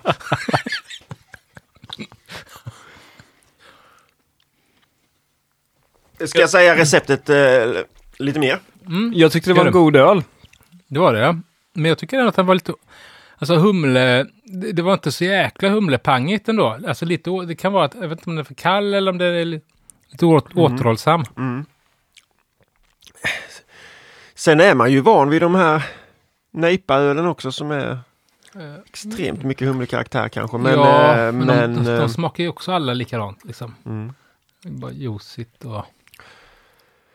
Jag säger vi har pilsnermalt då enbart. Balder pilsnermalt från Varbo kvarn 100%. Sen så eh, är det vid 60 minuter la jag faktiskt i 16 gram Magnum. Så, där var en liten rackare till. Ah, aj då. Men eh, 30 minuter, ja men eh, 30 minuter 30 gram chinook. Kottar, visst fan. Kan det, jag brukar aldrig använda kottar men jag hade råkat få kottar denna gången. Ja, Jag, men jag kände det i smaken. ja, smakar kottigt. Nej. Eh, jag tror inte. Eh, 30 minuter 30 gram eh, chinook. 15 minuter 30 gram chinook. 5 minuter 40 gram chinook. Torrhumlad med 46 gram chinook kryo pellets. Okej. Och de, det brukar man ju räkna att det är ungefär. Man kan dubbla den mängden så får man vanlig humle så att säga. Mm. Och sen var det 200 gram dextros. Ingen hoppstrand i den här då? Eh, nej, Nej. Jag eh, bryggde denna på en kurs så jag hade inte tid till det. Då får de stanna hela dagen. Eh, så att det gjorde jag inte. Sen så var det lite mjölksyra i vattnet och lite kalciumsulfat. pH kokslut 5,2 till 5,3. Vad säger du Magnus? Eh, lite högt va? Men acceptabelt. Mm. Mangrove Jacks Hophead M66 använder jag. Som, som, Aldrig talas om. Nej, det är någon ny. Jag tror de har lite av något sånt där enzym i också som ska boosta eh, humlesmaken på något sätt. Ja, den här, eh, jag tror att den ska fria bundna teoler. Mm. Jag tror det är en sim ska göra. Ja, okej. Det är en IPA-gäst egentligen. Ja. OG 1075. IBU 60. Mm. Och då räknar jag ju bara på bittergivan då. Den 60. Ja, då hade du ändå både 30 minuters giva och Mm. så den är säkert högre. Ja, det är det ju. Mm. I ett bryggprogram hade den kommit betydligt högre. mm, Men jag teoretiskt, kollar aldrig i bryggprogram. Jag använder papper och penna. Ja. Miniräknare. Ja. Mm. Det behöver man nog i något tillfälle. Eller abakus. Ja. ja men så var det i alla fall så att eh, den var ju inga, eh, inga konstigheter. Inte helt så som jag, som sagt, inte riktigt som jag Men du använder Lät. torrjäst då alltså? Det är en torrjäst antar jag? Ja. Och till 10 liter. Och du snackar om det här att det är viktigt med bra jäst. Körde du två påsar? En Eller- påse. En påse. 1075 hade jag i OG. En påse, ja det räcker ju. 10 liter. Den var god. Den var god. Jag börjar känna lite, lite acetaldehyd där. Bara för, bara för att jag vill... Uh, Nej, men jag, vänta, det där visste jag. visste att du skulle säga det. Men det är inte acetaldehyd. vad är det då? Det är humlen. Det är humlen som, jag vet precis vad du menar. Men det är humlen som eh, doftar så. Mhm. Annars har alla, alla öl jag har gjort med Chinook någonsin har doftat acetaldehyd, acetaldehyd annars. Jag tänkte på det här när jag buteljerade den igår. Mm. Att Magnus kommer säga det. Jag har brukt jättemycket med Chinook och aldrig fått den doften. Men Jag hade du jag älskar också Chinook. Hade du Nej, det är kottar? hade Nej. inte kottar. Vad sa du att den eh, hade för eh, slutvärde? Eh, värde? FG? Jag har glömt skriva upp det. Okej. Kan man ju våga sig på en gissning. Känner du inte det? 10, 12. Ja, kanske. Kanske det. 13. Bra. Ska vi ta nästa? Ja, Ja. Vilken då? Jag kan säga vad vi har här då, för jag sa ju att jag har med mig två. Och då är det faktiskt så att jag har fått med mig en, eh, en eh, dubbel-IPA här ifrån en eh, bryggare som heter Mikael Wall. Och det är nämligen så att han har kommit in med den här för han var inte riktigt nöjd med den. okej. Så det är lite, får man nu säga att det är vågligt att lämna in den eh, här för sån offe- Ja, officiell sågning. Men eh, vi vet att han kan brygga öl också. Han uh, tog ett SM-guld med en Belgare, eh, mörk stark belgare. Ja. Jag har smakat blond som också. också ligger bakom de här öl, snygga ölplanscherna? Jo precis, ölets smaker. Ölets smaker, Ja. ja. precis. Det stämmer. Och han är väldigt noggrann bryggare så att vi får se. Han var kund hos mig, kommer jag ihåg. Det måste inte vara en eh, tokdålig dubbel-IPA om jag känner honom rätt för att han ska kunna vara missnöjd. Men eh, ska vi ta Magnus först kanske? Ja, visst. Eh, då kör vi. Vi tar den här.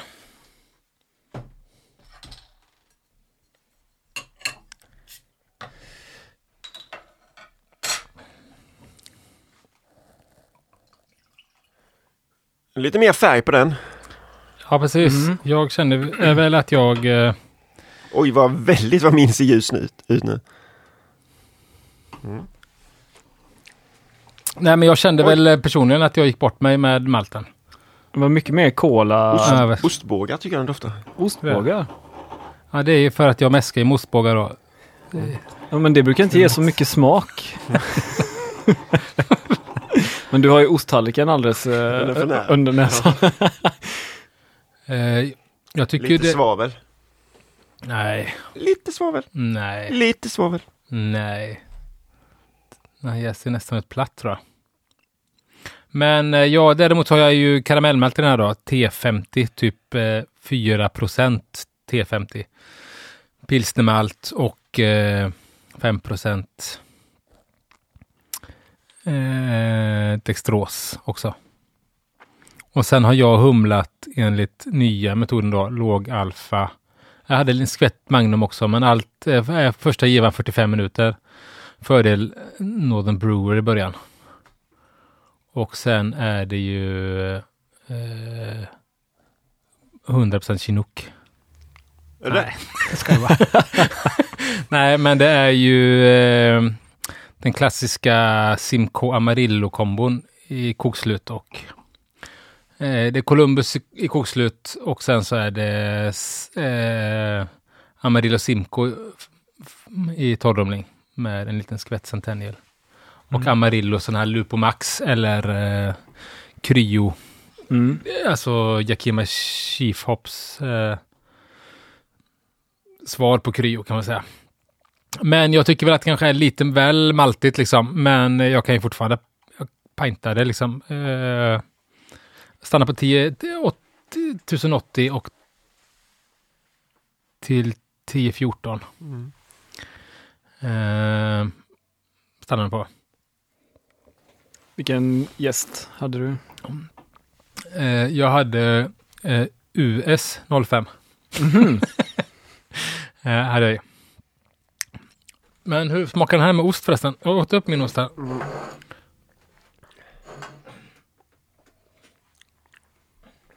Ja, lite, lite kladdig faktiskt får jag ändå säga Magnus. Att den blev. Men det säger du ju själv också. Mm. Jo, jag skulle nog ökat. Jag ska bara tugga ut här innan jag... Nej, men det var det jag kände spontant är väl att jag skulle eh, dragit ner karamellmälten alternativt ökat beskan lite. Mm. Ja. Det hade kunnat... Eh, Känner jag. Vet du vad jag tycker att din luktar Simon? nej. Den luktar absolut citron.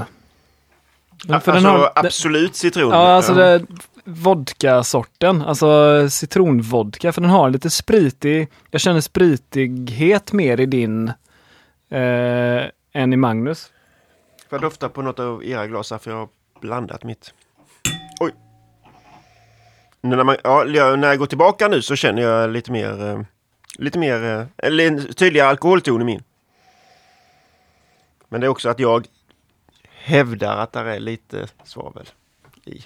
Magnus? Men jag, säger inte, jag, tror, jag tycker inte att det här, det jag ska säga nu, du får inte ta det på fel sätt, för att jag tycker inte att det liksom är fel typ av alkohol, utan det är liksom Resultatet av att det är en stark öl. Men den är så här, just det här blandningen av att det också är ganska kraftiga citrustoner så är det så här, man får, jag får lite så här eh, eh, urinkake-vibbar eller typ så här eh, eh, badrumsspray, eh, rengörings eh, vibbar, fast på ett bra sätt. På riktigt ja, hur alltså. skulle jag kunna ta det på ett dåligt sätt? nej, nej.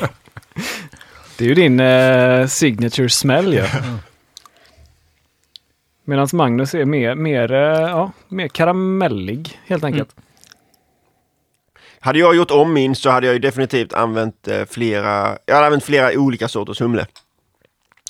Eh, inte bara, jag hade inte bara gått på chinook i, i, i efterhand.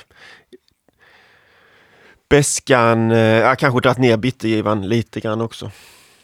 Eh, men det kändes som att jag fick lite av den här lite kärva beskan som, som jag själv sa att chinook kunde ge. Eh, Så lite mindre på den beskan, fast jag, jag tycker inte det är så farligt nu. Den, jag bryggde min 24, ja vad blev det nu? Eh, låt mig tänka. Nästan precis två månader sedan. Så pass? Ja, så den har ändå stått lite. Mm.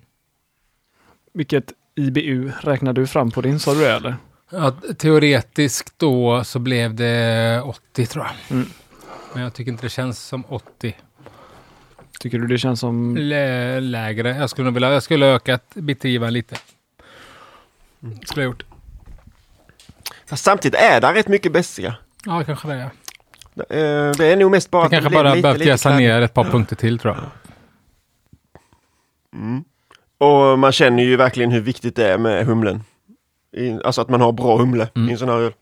Och det är det vi ska få se på nästa, för det är väl det han eh, funderar över om. Men vet du om det här är en klassisk eller en... Eh... Ja, men det ska vara en klassisk. Mm. Mm. Testar vi Mikael Walls dubbellipa här, som han inte var helt nöjd med.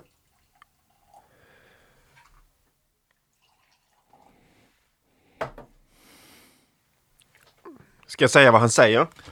Vad säger han? Rubriken är Dålig humle eller oxidering? Frågetecken. Bakgrund. Jäser i Fermentor King Junior. Eh, en form av unitank väldigt likt att jäsa i ett Corneliusfat. Har bara bryggt torrhumlad öl tre gånger i den hittills och för första gången höll smak och arom fantastiskt bra i en lättöl med 5 gram per liter torrhumle. Eh, sedan två bryggningar dubbellipa med 10 gram per liter som båda har visat denna lätt unkna lukt redan 5 till 8 dagar efter torrhumlingens början. Inget före torrhumlingen alltså. Lukten har också, vis, också visat sig innan jag tappat över batchen på flaska med mottrycksfyllning. Så eventuell oxidation har med stor säkerhet skett i och med torrhumlingen. Min metod med mottrycksfyllning har med åren visat sig ge väldigt bra hållbarhet på ölet, så den är jag inte heller vidare orolig för här. Så jag skulle gärna med er hjälp vilja utesluta dålig kvalitet på humlen för att fortsätta slipa på min metod för torrhumling. Jag är nära men trött på att lägga 400-500 kronor på en batch dipa som luktar kompost. PS. Alla andra öl jag brygger i detta jäskärl smakar och luktar rent och fint. Så jag har själv uteslutit eventuella infektioner på grund av utrustningen i alla fall. Och jag förstår precis vad han menar för där var en, eh, där var en unken doft. Ja, men samtidigt spontant så dricker jag ju hellre hans öl än din och min. Alltså jag tyckte den, den var ju väldigt nära, väldigt, väldigt, väldigt god. Den är, ja, men den är ju bättre än din och min. Alltså handen på hjärtat. Fast med den här doften. Alltså, är inte så, jag tycker inte det är så farligt. Jag... Eh, Alltså, jag förstår ju precis vad han menar med ja, den men det är inte liksom det där, utan det doften. där är ju liksom, det känns mer som humle, det luktar lite kylskåp liksom. Visst, jag köper det liksom, men... Eh, eh, men eh, den är fortfarande bättre än din och. Och... Vad, det liksom, vad, vad det kommer ifrån, eh, ja visst det kan vara, jag skulle nog, eh, jag skulle nog nästan mer tro humlekvalitet än Ja, Alltså det kanske är en kombination av humlekvalitet, oxidering och torrhumling. För det är ju liksom det vi inte kan göra hemma. Det är ju torrhumlande liksom. Det är ju svårt liksom. jag tyckte det var, det är lite svårt att säga. Men, eh, alltså om det är, om det är dålig humle eller om det, men dålig humle, har han haft samma humle då? Här står metod. Alla tre gånger har jag gjort i princip samma sak. Spundat ölet i slutet av jäsningen till cirka 2,5 CO2 volymer för att få full kolsyra. Sedan kylt ner den till en grad för att kunna öppna kärlet och slänga i humle utan att det skummar så mycket. Har sedan hällt i humlen samtidigt som jag trycker ner CO2 i kärlet för att spola bort syret som följer med humlen. Om ni förstår vad jag menar. Som ett öppet övertryck liksom. Ja, okej. Sedan stängt igen och flushat några gånger. Varpå jag värmt upp kärlet igen till cirka 15 till 17 grader. Låtit humlen ligga på ytan under en till två dygn med ett par omruskningar av kärlet. Sedan kylning igen och eventuellt trycka i lite mer kolsyra. Skulle väl kanske vara det då. ta de där Torrhumla, torrhumlat för svalt liksom. Men annars skulle jag väl eh, nästan mest tro att det är humlekvaliteten och kanske viss oxidation. Smaken är ju väldigt eh, god. Alltså det är ju, den, den här kan du ju pinta. Det kan du inte göra Mm, med varken mm, din eller min. mm. Den här smaken. eh, Det här är ju liksom lite ändå det. Själva grundölet är lite det jag är ute efter. Det är en dubbel-IPA som smakar Ja. som en IPA. Jag, kan fatt, jag förstår verkligen varför han vill ha bort den där unkna doften. För att utan den lilla unkna doften som det var, tyckte, som det var i doften så var den ju en väldigt god dubbel-IPA. Du är extremt tyst här Sebastian. Ja, men jag, sitter, jag sitter och försöker leta efter eh, fel, men jag, jag känner liksom inga fel i den. Det är... Jag, jag, jag, Nej, det är knappt att jag gör det också. när du sa det här, liksom. alltså när du sa det här med kylskåpssmak så, Mm, mm. så kände jag igen det lite grann. Typ så du ställer en tillbringare, en öppen tillbringare med vatten i kylskåpet Ja, i två exakt. dygn och sen dricker det vattnet. Lite Mm. den smaken kanske, mm. men jag, jag känner liksom inte det här. Jag känner absolut inga oxidationssmaker. Mm. Jag känner inte liksom den här att det skulle vara supertrött humle och att de här liksom ostiga smakerna. Nej, instämmer. Så jag, jag, hade, jag hade liksom inte hajat till det minsta om jag hade fått den här ölen på serverad till mig på krogen eller sådär. Jag hade tyckt den varit väldigt god tror jag.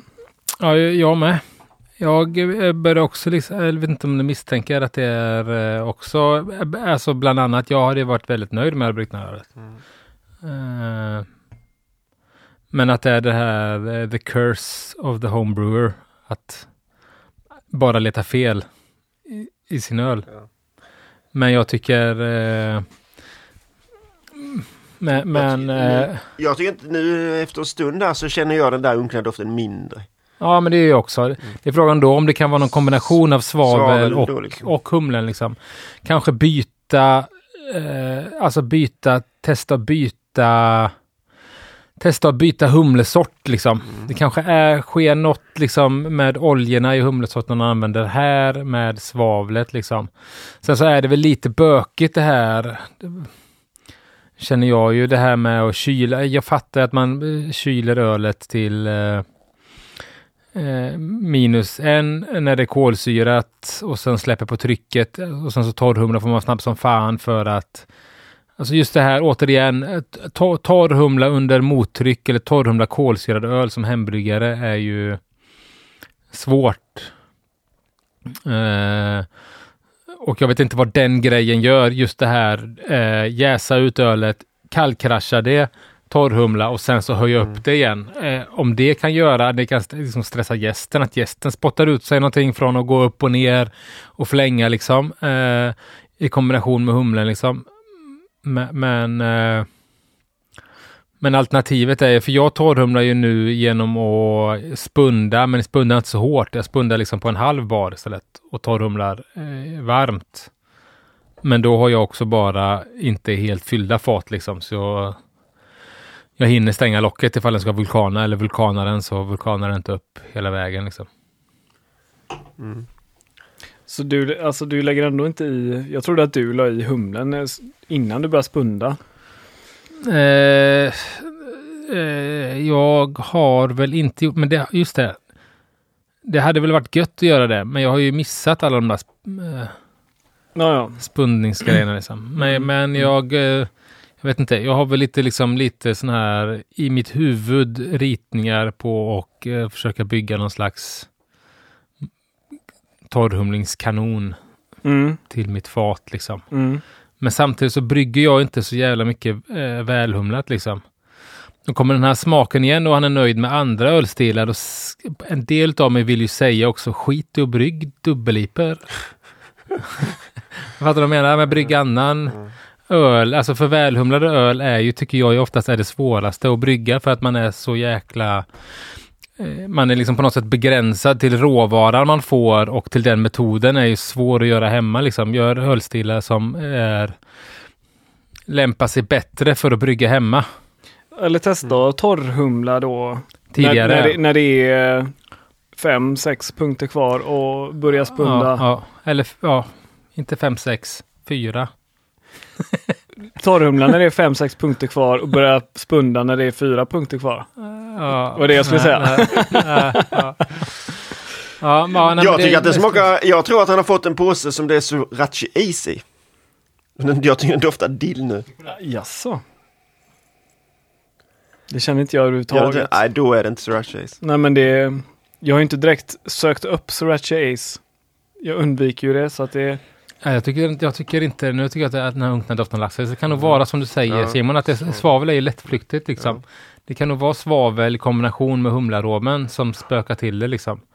Ja, Och då, då kan han ju, då är det svavel, då kan du ju då kan han ju, om, den, om man fortfarande har den på fat, då kan jag testa att bubbla den Mm. och skrubba liksom loss. Det kan man ju göra om det är svavligt. Alltså skrubba loss, vädra trycka in, in kolsyra genom eh, öluttaget då. Ja, precis. Eller, bara, eller ibland så räcker det med att bara släppa ut övertrycket och sen så låta, den, låta det stiga igen. Eh, Inte putta i mer kolsyra utan låta bara det stiga liksom. För att, eh, men det går ju fortare om du, om du bubblar och för att skrubba eh, kan man säga kolsyreskrubba liksom rent, eh, vädra ut svavlet.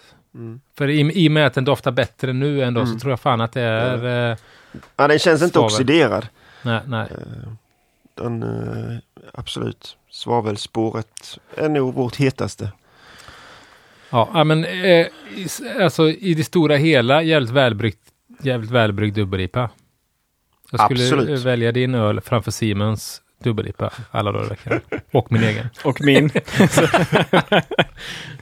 Eh, bra jobbat Mikael. Ja, Och tack. Ja, tack så jättemycket. Det här uppskattar man ju väldigt mycket när eh, man får in öl som någon annan har bryggt. mm.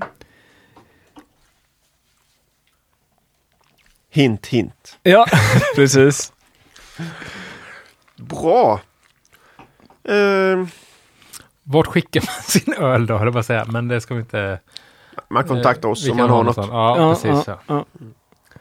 Det kan vara ett roligt inslag. Har du några roliga namn? Ja, den, här, Kom igen Sebastian. den här ångestsucken. Mitt i en flytt för fan. Fan, ja. Ja. Eh, Ska vi se här då. Nej, jag har inte det. Jag, jag skäms över alla de här. Jag skäms över alla de här. Den enda jag Mm. tyckte var bra, den sa ju Magnus direkt så. Ja, det, Den, den var tydligen den mest lågt hängande frukten, så kan väl lika gärna du säga då. Eh, Dua Lipa. Det var ju, det var ju fint inlindat. Vänta, okej. Du måste ha en bättre backstory. Ja, jag jobbar inte med sånt. Jag hatar det. där. Okej. Men jag vet inte vem, jag vet ju inte knappt vem Dua Lipa är också. Det är en, eh, Det är väl Poppis. typ världens mest framgångsrika artist just nu, är det inte nej, det? det är Drake. Kv- men för kvinnliga artister. Okej, ja, ja, men då så. Dua Lipa, ja. Dua Lipa. Jag fattade inte överhuvudtaget vad vi snackade om. Så var det sån här musik. Ja, Men eh, det, Dua- jag, jag fattar. Jag. Dua Lipa. Ja, det, tog, precis. det tog en stund kan jag säga. Men om vi säger eh, Lill Deepa Babs. Då är det...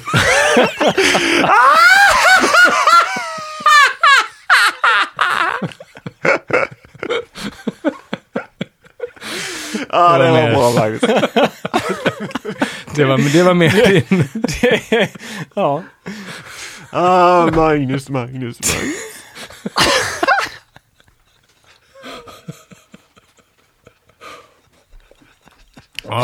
Det här får fan bli ditt avsnitt tror jag med, med ölnamn. Det här var ju två höjd, riktigt höjdare. ja. Lill-Dipa-Babs. Ja, jag kände att eh, Lill-Babs låg Simon varmt om hjärtat. Bara.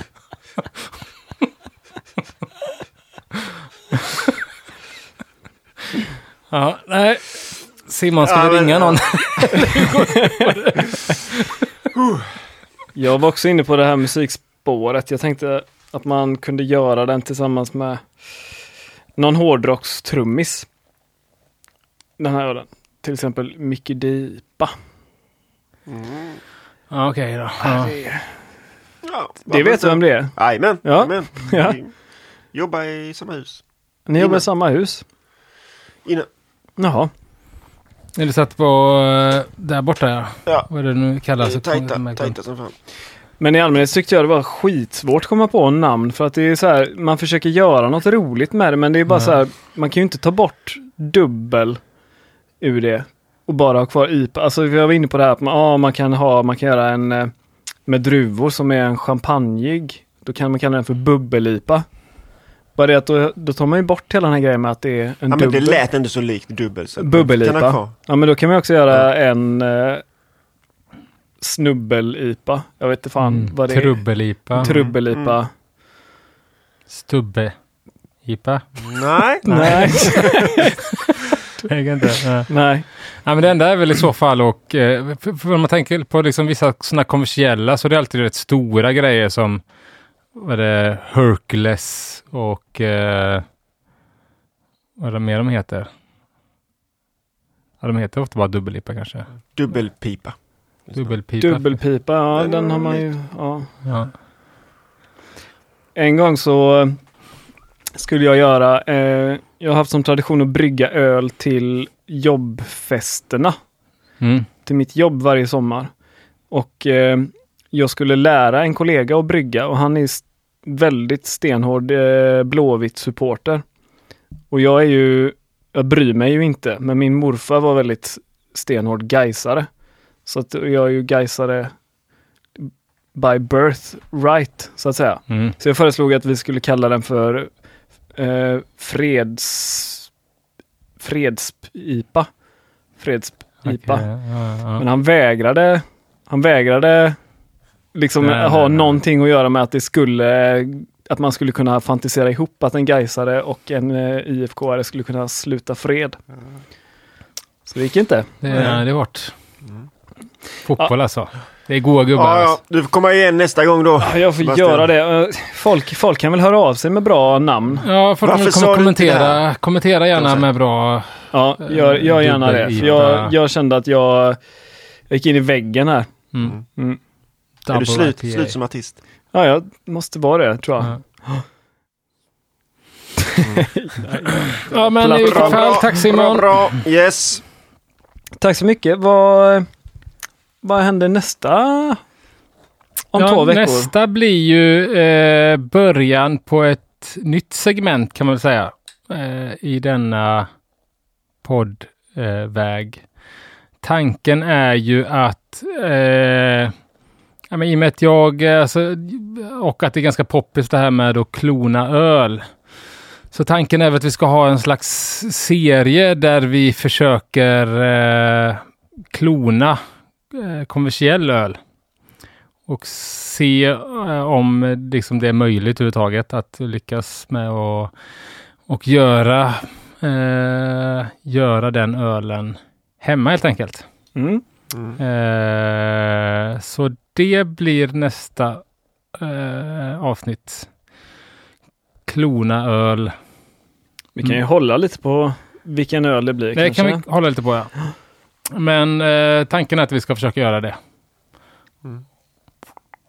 Och bjuda hit eh, bryggaren och Bara på något sätt så kommer bryggaren vara med, eh, ja. Och sen... Eh, och blindprova och se, se om... Eh, ja, vi se, har vi sån tur så om allt om stjärnorna står rätt så...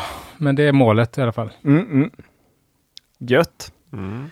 Bra, då blir det det. Första Klona öl-avsnittet Mm, om mm. två veckor. Yes. Och eh, som vanligt, man kan ju nå oss eh, på internet Mm. till exempel. Instagram. Ja, precis. Kan mejla. Ja. Har vi fax? Nej. Telefax menar du eller? Ja. Nej, Nej. tror inte det. Men då är det eh, Wordpress-hemsidan då. Och sen är det Instagram och mail. Hembryggning.halleluja.gmail.com Mm. Det Och- finns ju ett kontaktformulär på, på uh. Mm. Det är ganska många som använder den faktiskt. Ja, det är snyggt. Den funkar. Den funkar. Mm. Fortsätt med det. Mm. Halleluja!